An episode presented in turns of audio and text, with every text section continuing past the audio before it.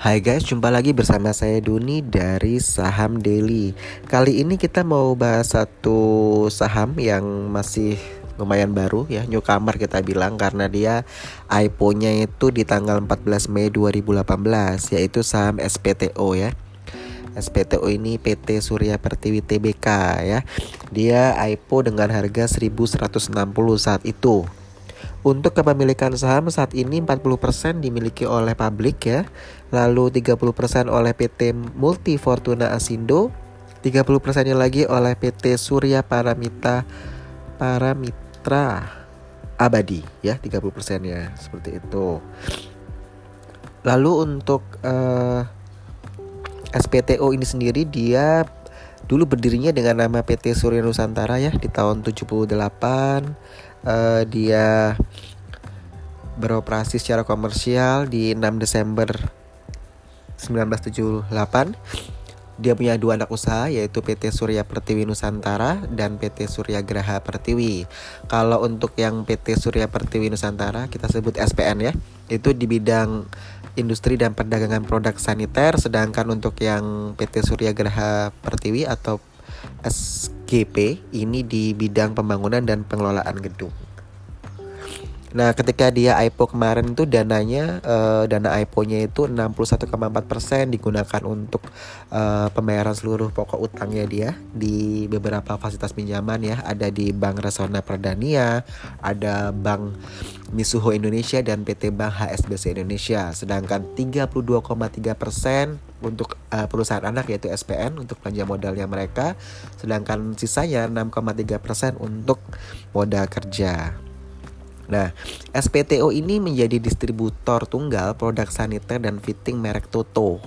Ya. Jadi uh, karena memang uh, sahamnya ini dimiliki oleh dua owner yang sama yaitu Multi Fortuna Asindo dan Surya Paramita Abadi ya.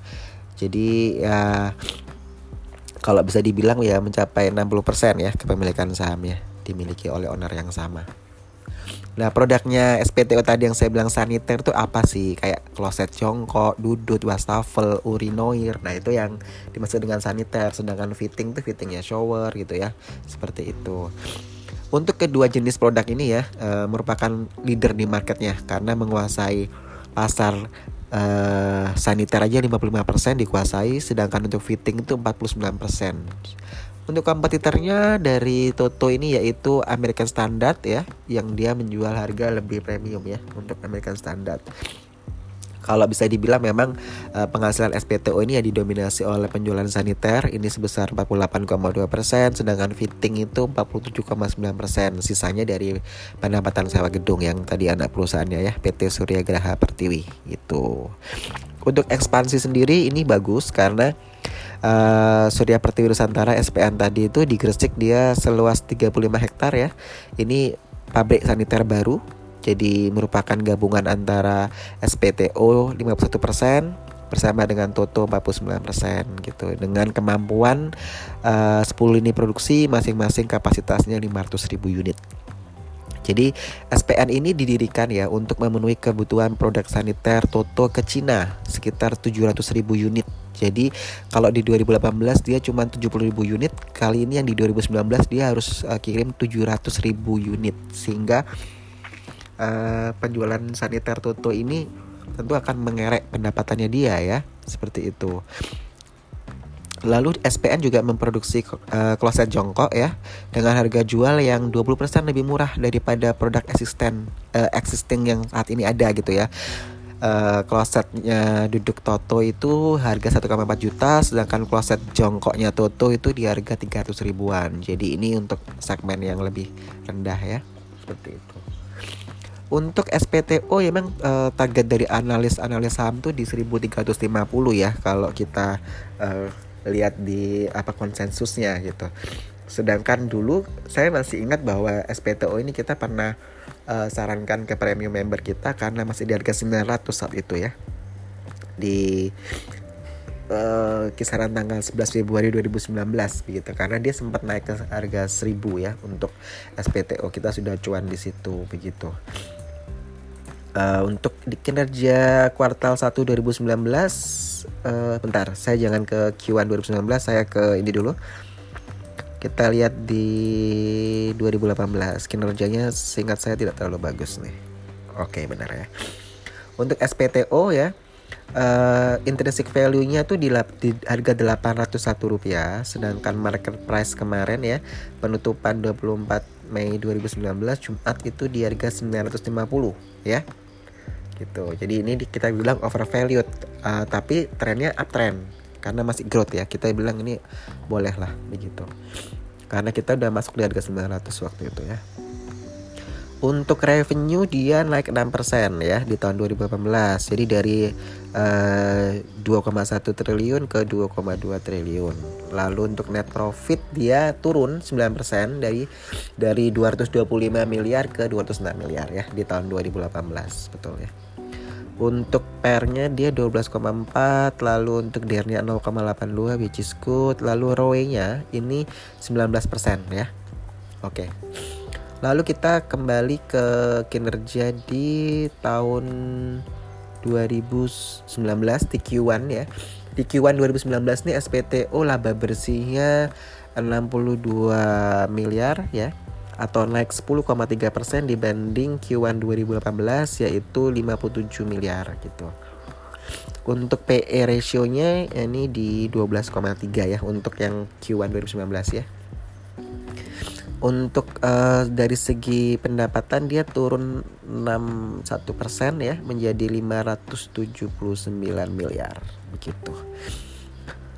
Kalau untuk arus kas dia positif operating cash flow sebesar 140 6 miliar ya. Jadi ini uh, oke okay untuk uh, eh, SPTO.